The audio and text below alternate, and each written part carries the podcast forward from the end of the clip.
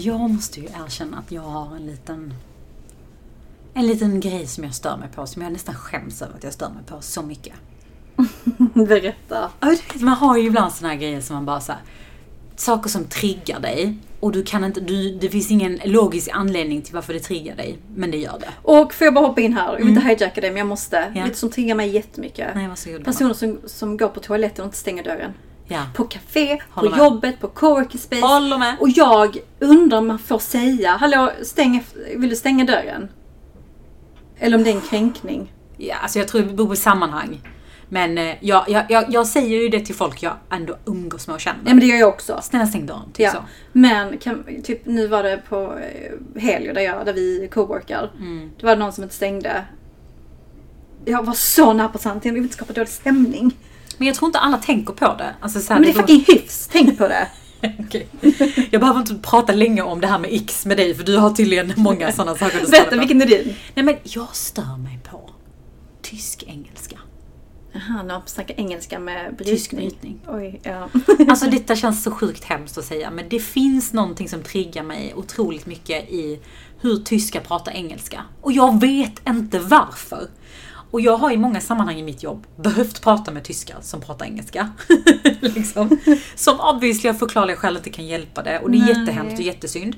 Men det är någonting med tyskar och använda sig utav det är som att de pratar med massa ord men de säger liksom ingenting. Det, det är liksom, jag, blir så här, jag kan lyssna en halvtimme och bara säga gud vad sa du egentligen? Men du fokuserar nog på, på dial- accenten. Än vad de Kanske. faktiskt säger. det, är bara, Förmodligen. det bara triggar mig så otroligt mycket och jag har haft tyska kunder så att det är liksom så här. I have to live with it på något sätt men jag har verkligen så svårt för det. Mm. Och, det och det är en, en grej jag måste jobba på. Finns det något annat som tycker det? Det var faktiskt kul. Alltså, jag har så många Kan vi inte bara köra lite? Vet du som triggar mig jättemycket? Instagram-beteendet. Jag har fått så många frågor om... Bara skriv ditt fucking tips. Hej jag vill tipsa om detta. Du behöver inte leka populär så många som har frågat mig. Det är jättemånga som frågar Och om mina du- byxor. Jag ska passa på att säga att de är härifrån. Men så här, om de har frågat dig, skriv till dem alltså one on one. Om de nu har frågat dig. Ja.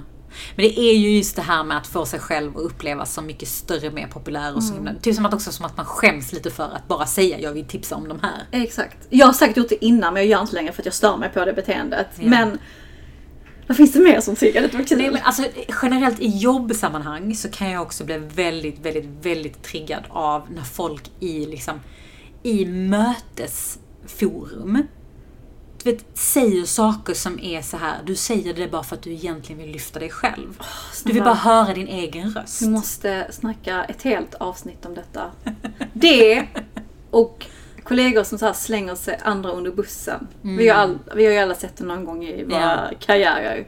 För att lyfta sig själva. som tar upp ett problem i ett sammanhang. Liksom så här. Jag tycker typ att det som Afrodite, more så kan man inte säga Afrodite, men det som Afrodite jobbar med, där tycker jag vi har en möjlighet för det här.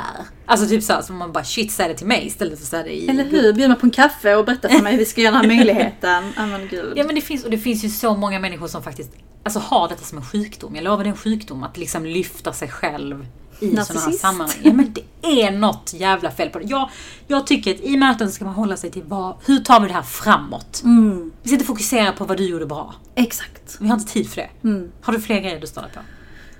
Alltså jag har jättemånga, det vet ju du.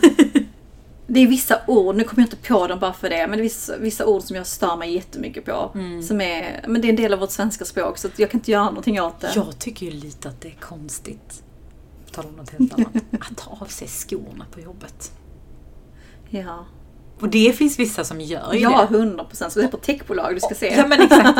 Jag har varit på flera så här bolag, där det är, så- eller flera, men jag har varit på bolag där det har varit så här, här tar vi av oss skorna.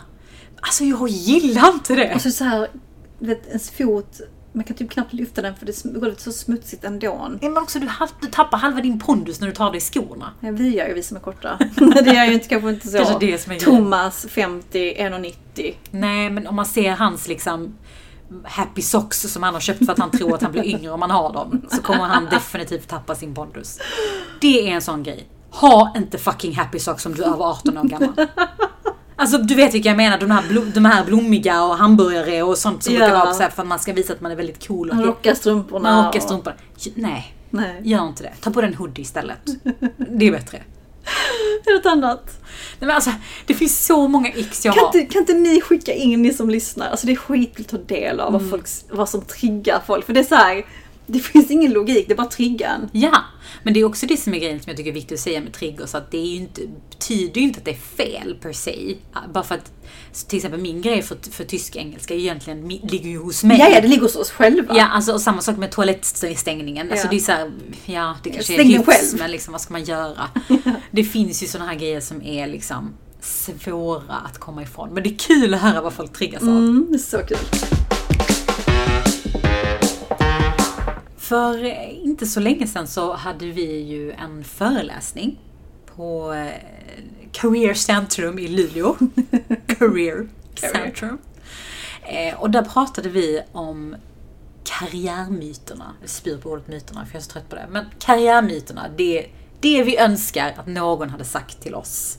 Ja, men saker vi önskar att vi visste när vi stod där som liksom små kycklingar, tänkte jag säga.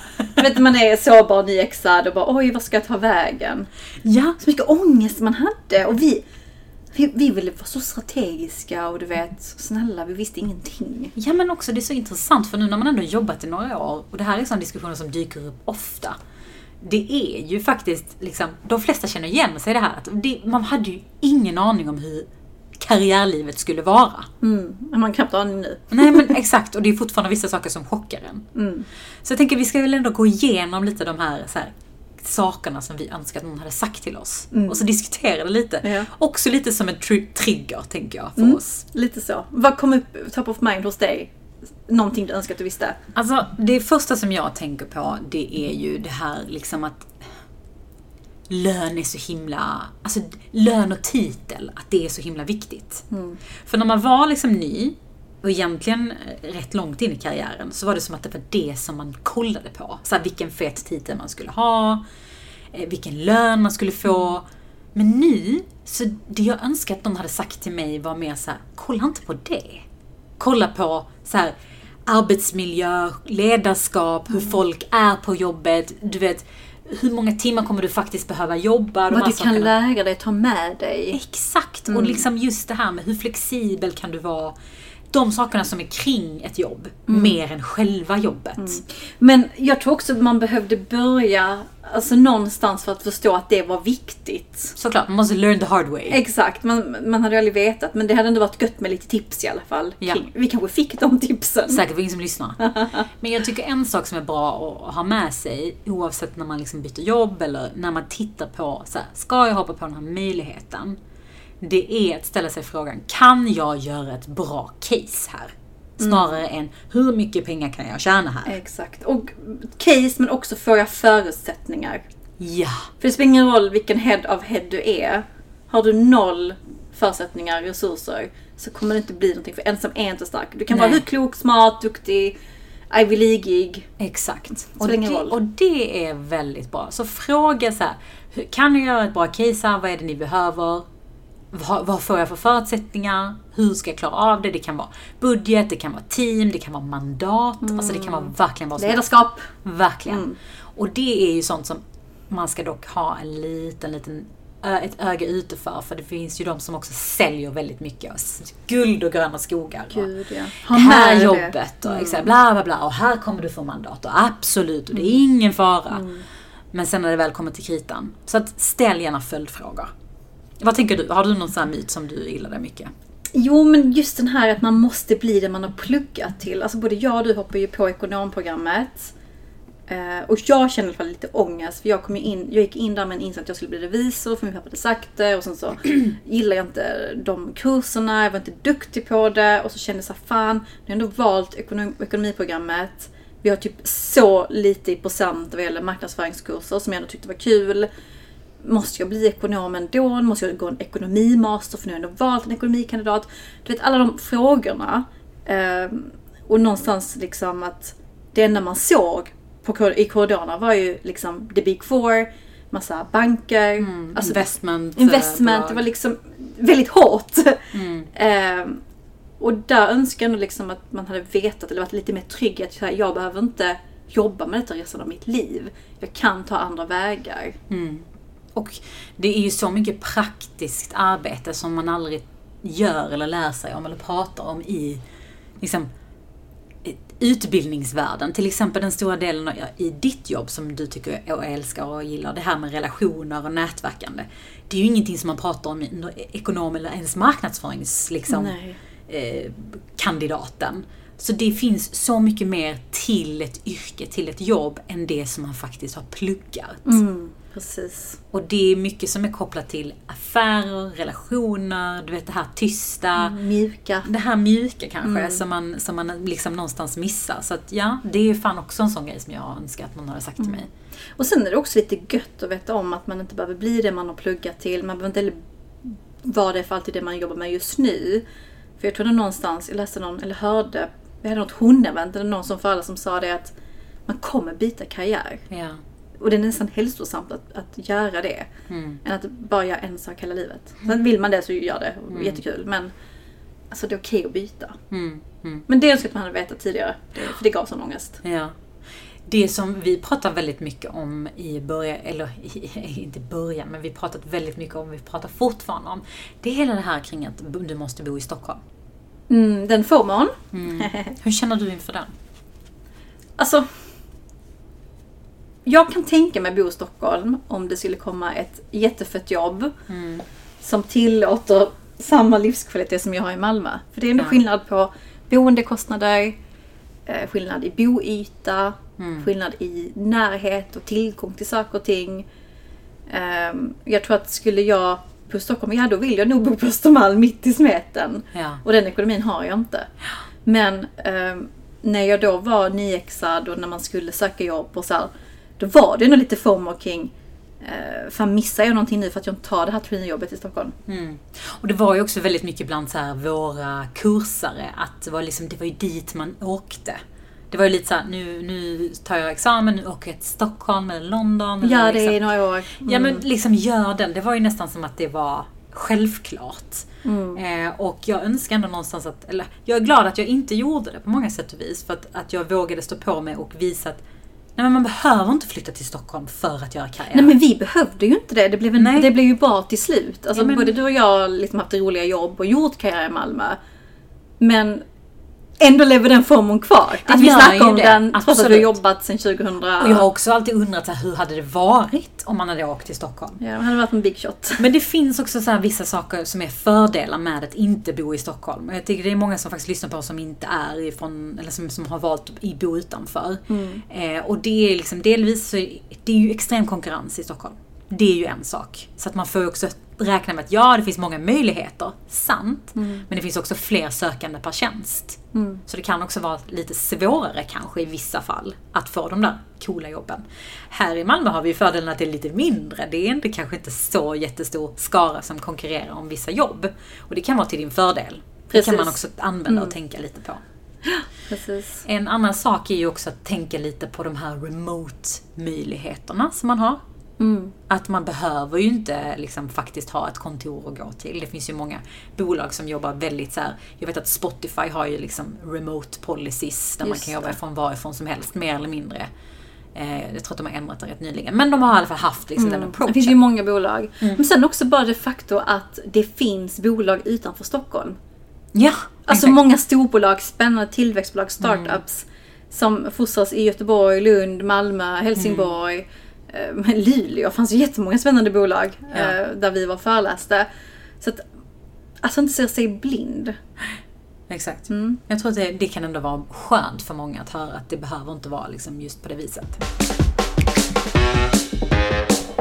En sak som har följt med mig ganska länge, det är inte förrän nu på sistone som jag släppt den tanken, eh, men som ändå präglat mig, det är ju det här att man måste stanna på ett jobb i minst fem år. Mm. Jag har till och med fått höra den nu liksom, i vuxen ålder. Bara, ah, nej men satsa ni fem år här. Stanna kvar. Liksom. Exakt, se bra ut på mm. CVt. Och det är ju också liksom ångest. Alltså, det kan vara allt från att man känner att man är färdig, till att man inte trivs, till att det faktiskt kommer en häftig möjlighet år två på ditt jobb utanför det här jobbet som, vill, som gör att du vill ta det. Den, hoppa på den möjligheten mm. och så kanske man inte gör det för att någon har sagt att du måste vara här i fem år. Äh, det är hjärndött egentligen. Ja. Men många tänker ju så. Mm. Det ska se bra ut på CV. Och där tror jag liksom att alla vi som har jobbat ett tag när man träffar studenter eller unga personer att, att inte komma med dessa regler. Att man måste, måste ingenting. Nej, och framförallt tror jag också att eh, förbereda sig för att kunna svara på frågan. Låt säga att du får en fråga på intervjun eller whatever. Hur kommer det sig att du inte stannar där så länge? Så länge du har ett svar som ändå är legit. Liksom. Ja. Att ett, jag trivdes inte, det rimmar inte med mina värderingar, bla bla bla. Eller två, jag fick en möjlighet som var skitbra, jag kunde inte tacka nej. Sen är det färdigt med det. Exakt, man behöver inte älta det. Nej, det behöver inte vara så himla stort liksom och Nej. drama kring det. Exakt. Och låt oss ändå prata lite om det här med luckor i CVt. Mm, det tycker För du? det är en sån sak som jag upplever att delvis många är livrädda för. Mm. Men också som en, en sån sak som man, man var så himla besatt av att det skulle alltid lapp, överlappa exakt 100%. Just det. Alltså det liksom fick, fick aldrig vara en... en En månad ledig. nej, för då skulle man vara slacker liksom. Jag vet inte om jag tycker det är så big deal längre. Nej, alltså, det är tvärtom. Man vill gärna ha... Alltså har man en månad ledig mellan jobb så, det, är, det är bra, men gärna tre. Om Ja, man men, kan. Men också om man tänker på det, alla de här big shotsen. Alltså de som liksom är på CV, CV, C- VD-positioner eller CMO-positioner. De har ju typ så halvår, år ibland mellan uppdrag. Alltså desto viktigare du är som person, desto mer har du möjlighet att vara ledig. Mm. Och ibland är man inom karantän om man har ett sånt avtal. Ja men förstår du, det det, nu kan man ju inte leka att man är inom karantän när man bara liksom har gått på ett koordinatorjobb. Men du vet så här, jag tycker ändå att det, min syn på det här med luckor i CVt har ändrats. Jag ser snarare det som en fan vad bra liksom, grej. Än någonting negativt. Ja men så länge också man kan motivera det. Men jag tog ett års paus för att jag ville resa, jag ville upptäcka, jag, jag behövde en paus. Ja. Bara det är liksom ett argument i sig. Mm, nej, så man behöver inte göra någonting. Man gör det som är bäst för en själv, för ens utveckling och det man faktiskt känner för. En av mina favoriter av det här saker som jag önskar någon hade sagt till mig är ju det här med att man alltid tänkte att alla visste så jävla mycket på jobbet. Alla visste så himla mycket mer än jag. Alla var Kommer smarta. Mm. Ja. Och sen inser man att nej, så är det inte. Folk har ingen aning, folk har inte koll. Nej men det är så här, speciellt, det kan man också hända mig redan nu när jag kommer in i en ny bransch. Eller liksom ett nytt sammanhang, ett nytt bolag, nytt uppdrag. Att jag märker att jag går in lite med approach att oj, alla kan så mycket och jag kan ingenting. Alltså är bara en millisekund när man kommer in. Men sen inser man, ja det är klart att den personen kan mer för att hen har jobbat i den här industrin och förstår och kan svara på frågor liksom obviously. Men i grund och botten så det är inte så att de är experter eller liksom du vet har forskat i det här Nej, liksom. Och det är så lätt att säga och ut, alltså uttala sig själv som en expert. Och så sätta Ja. den titeln på sig själv. Man ska ta med en liten nypa salt. Verkligen. Och, och också påminna sig själv om att du har fått det här jobbet eller du är på väg in i det här jobbet av en anledning. Bygg upp dig själv lite, ha lite självförtroende. Och att vara ny på jobbet är verkligen ett guldläge. Alltså det ska man bara ta vara på. Alltså det är typ the top position att vara i. Att Oavsett vara vad, man, oavsett vad man är i karriären. Att vara ny på jobbet, det är då du kan ställa alla frågor. Du kan liksom, ja, verkligen använda dig av folks eh, tid och input på ett helt annat sätt än när man är en gammal räv. Precis, du kan vara frågesättande, du kan ställa dumma frågor, på tal om det finns inga dumma frågor. Men du vet så här, Mm. Du kan ställa allt, det kan du inte göra när du har jobbat inom en bransch två år. Liksom. Det blir Nej, lite konstigt, då får du googla det. Alltså, lite så. så att det tyckte jag var väldigt skönt att någonstans höra. Det sista eh, som vi tycker är sån här grej som vi önskar någonstans att vi hade tänkt på lite tidigare. Det är ju det här med karriärtrappan. Mm. Kan inte du berätta lite om den? Nej, men den, alltså många bolag har ju för sig den här karriärtrappan som en policy. Att du börjar på en viss roll sen så tar du dig till eh, nästa steg som innebär en annan roll. Det kanske inte man kan utmana för att det ser ut som det gör. Men någonstans i sig själv, i sin egen liksom, personliga utveckling, att inte se det som en trappa, att man måste utvecklas eh, vertikalt. Utan att man också kan flytta på sig höger, vänster, horisontellt. Eh, den hade man ju inte när man tog examen. Man tänkte att jag måste helt toppa mig själv. Och Ja. än idag kan vi prata om det här med att toppa oss själva. Att gå till någonting bättre liksom. Det ska se bra ut och så Ja. vidare. Alltså vi är ju väldigt medvetna kring dessa frågor men vi tänker ju på dem. Alltså det är inte att vi helt skona dig från de Nej, tankarna. De är ju fortfarande aktuella på många sätt och vis. Exakt. Men hur gör, alltså, hur gör du för att komma bort från den tanken? För det händer ju ändå så att man blir så. Mm. Vi blir ju lite såna, oh director head of. Ja, men försök gå tillbaka till den här livskvalitetsfrågan. Så, okay, men i det stora hela, vad kommer det jobbet innebära? Vilka implications har det? Är det så, verkar det så pass kul att det kittlas i magen att det är värt det? Mm. Eller är det liksom, skaver det redan nu? Ja. Alltså någonstans gå in i sig själv. Sen kommer, aldrig, kommer man aldrig veta. Men, men jag tror någonstans att släppa den tanken kring karriärtrappan. Också så här, ska en powerpoint styra din karriär? Det är också lite tråkigt. Hur menar du? Powerpoint? Nej men alltså den här policyn. Alltså ska, ska liksom ens öde läggas på en powerpoint eller en gammal policy som någon annan Alltså den här gammal H- hierarkin, precis, liksom. HR-tant satt upp för 15-10 år sedan. Som inte är aktuell idag. Mm. Nej, men jag tror också att se på karriärtrappan lite som ens liv. Alltså att ens liv, hur jävla kul är det om vi bara lever så vi går i skolan, sen börjar vi jobba, sen så skaffar vi barn, sen dör vi. Alltså det är ju inte det som är vårt liv. Vårt Nej. liv är ju upplevelserna vi har haft, människorna vi har träffat, platserna vi har fått se. Det är ju det som är själva livet. Alltså, och det känner jag ändå någonstans är det som är mitt sätt att se på jobb också. Så här, vad kan jag uppleva? Vad kan jag lära mig av? Och inte vara så himla liksom, rädd för att saker och ting måste vara för evigt. Mm. Det är en bra tanke att släppa. Ja, alltså så här, nu har jag varit chef, nu måste jag alltid vara chef. Mm. Så här, nu kan jag inte gå till en medarbetarposition igen. Varför inte då? Mm. Alltså vad spelar det för roll egentligen? Jag tror bara det stjälper att tänka så. Eller hur? För det är också det, ingen bryr sig. Man tänker att det ska se bra ut. Snälla, ingen bryr sig Åke om att du blev en medarbetare istället för chef. Men man har också sån bild av att alla andra är så himla inne i ditt CV och inne i din liksom resa. Mm. Att folk ska typ ha tid att kommentera varför gjorde hon så? Alltså ingen har tid att kommentera. Mm. Nej, verkligen inte. Jag tycker att vi borde bara här, ta oss själva på lite mindre allvar. Mm.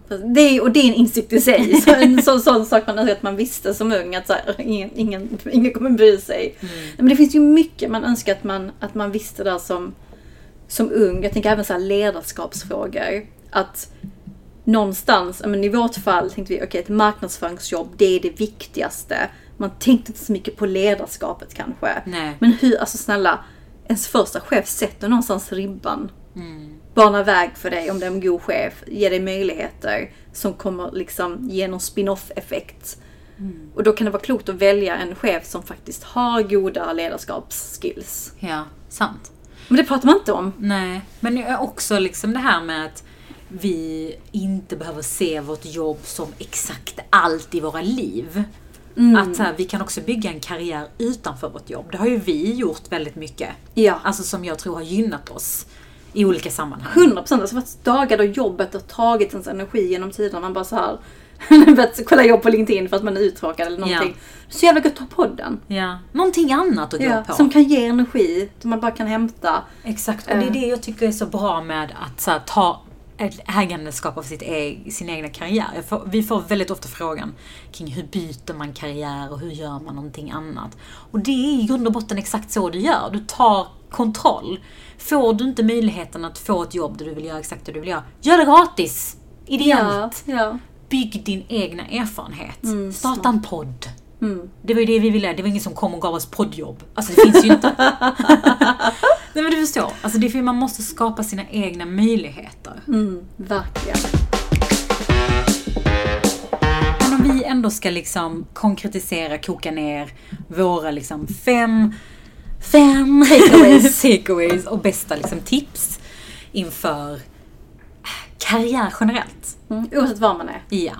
Eh, och det första är ju sånt som vi har sagt gång på gång på gång, men det tåls fan upprepas.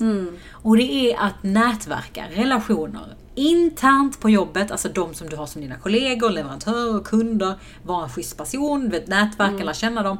Men också externt, utanför din bransch, andra människor som jobbar med andra saker.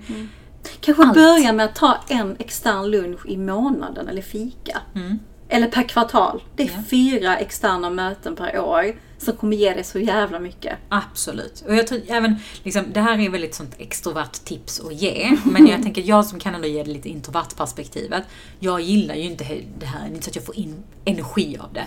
Men det har gett mig otroligt mycket. Mm. Framförallt så har jag faktiskt fått väldigt fin liksom, vänskap och fina relationer som har gett mig mycket på, i längden. Liksom. Mm. Så att jag tycker faktiskt att den är väldigt värd att ta tag i. Gud vad skönt att få din acceptans gumman. Ja, liksom, även, om man, även om man kanske behöver hem och lägga sig efter så är det värt det. Ja, man får ta sin nap och unna sig det. Men sen också att alltid vara snäll. Alltså, det var också någonting när man var student. Man var så kåt på toppen. Ja, men du vet, man skulle nätverka med den där marknadschefen som kom på inspirationsföreläsning och skulle berätta hur fett det var att jobba på Santa Maria. Ja men du vet, i Göteborg när vi pluggade. Eh, var snäll mot dina peers, alltså dina studentkollegor. Vi minns alltid de som var otrevliga i början av vår karriär. Ja, och de som, inte, de som var slackers i grupparbeten. Ja. Alltså det kommer, det kommer följa med dig resten av ditt liv. Du var den som inte bidrog. Ja, den som inte delar med dig av dina notes. Åh, den, oh, We will remember. det är sån shitlist. Ja. Vi- det är många sådana på den listan. Nej men, var snäll. Och var snäll genom livet. För det handlar också om, om ditt personliga varumärke. 100%. Tänk långsiktigt. Eh, ett annat tips är att våga be om saker när du vill ha saker. Alltså förhandla i all ära, liksom lön, allt möjligt. Men också så här, om du vill ha en möjlighet, om du vill jobba med något specifikt på jobbet, säg det högt och liksom skäms inte för att säga att du vill ha en möjlighet. För att man kommer inte kunna gissa sig till det. Alltså Nej. chefen kommer inte kunna läsa dina tankar. Det är inte så att liksom man bara, någon går runt och har din plan, och vad är min plan och din agenda på sin högsta priolista. Du måste ha det, du måste driva din egen agenda. Exakt, så att våga förhandla, våga fråga. Och just det här med förhandla, det är ju någonting vi alla kan bli bättre på. Mm. Och då tänker man mycket så här, men det är lön. Alltså jag har faktiskt exempel från ett av mina tidigare jobb när jag var ny. Jag fick inte heller när jag ville, men då, då ville jag ha två veckors semester. Ja, extra. Ja, Wow, gumman. och, och det, han tänkte så, fan den här lilla tjejen. Du har inte ens börjat jobba, du vill ha semester. Exakt! Jag fick en vecka extra. Skitnice. Alltså det var, det var guld värt. Ja. Så våga fråga, våga förhandla. Kör, ta i lite extra. Jag liksom. skäms, skäms inte. Absolut inte. Det finns ingen tid här att skämmas. Men en annan sak på tal om att skämmas, det är att sätta dig själv i obok, obokväma, i obekväma situationer.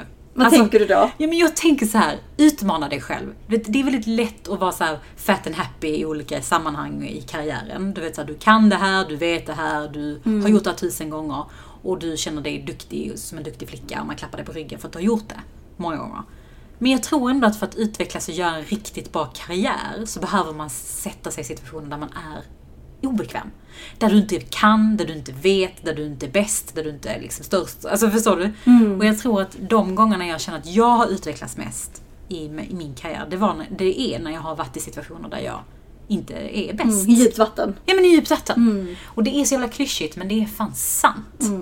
Och det kan även vara sådana små saker som att här, presentera grupp. Ja. Prata inför andra. Ja. Absolut. Våga vara den som berättar om uh, last eh, updates i ett projekt. Ja. Ta lead. Ja, jag tycker faktiskt att man, man behöver liksom utmana sig själv för att faktiskt utvecklas och för att för andra ska få upp ögonen för dig. Vårt sista tips är fan, det har att göra med inställning. Och Ja. det tror jag att vi behöver ge till oss själva emellanåt också. Det är att jobbet är inte allt. Jobbet kommer inte täcka alla dina behov. Nej. Det är lite som en partner, man tror att en partner ska göra allt. Vara skitbra kompis, psykolog, världens bästa romantiker, Ja, kock. allt. Allt. Liksom. Mm. Eh, Och sen blir man jättebesviken att det inte är i närheten. Men gud hemskt jag. Nej men samma med jobb. Alltså ditt jobb kan inte vara jätteroligt, utvecklande, massa möjligheter, jättebra chef, jättebra kollegor som du klickar med. Mm. Jättebra lön, Men alltså det, det går inte. Nej. Man får välja. Och jag tror att man med den inställningen så kommer man också lugna sig själv lite, inte få panik. Och bara vara lite mer medveten. Och se, se det också som en möjlighet att göra annat. Alltså snälla. Alltså side hustles i all fucking ära, tycker Alltså jag. det har vi faktiskt fått som önskan att vi måste snacka mer om. Side hustling. Ja, för att vi Mm. slänger mycket med att uh, sidehustla och det är så enkelt för att vi gör det. Mm. Men hur fan gör man det på riktigt? Vi, vi återkommer, jag lovar. to be continued.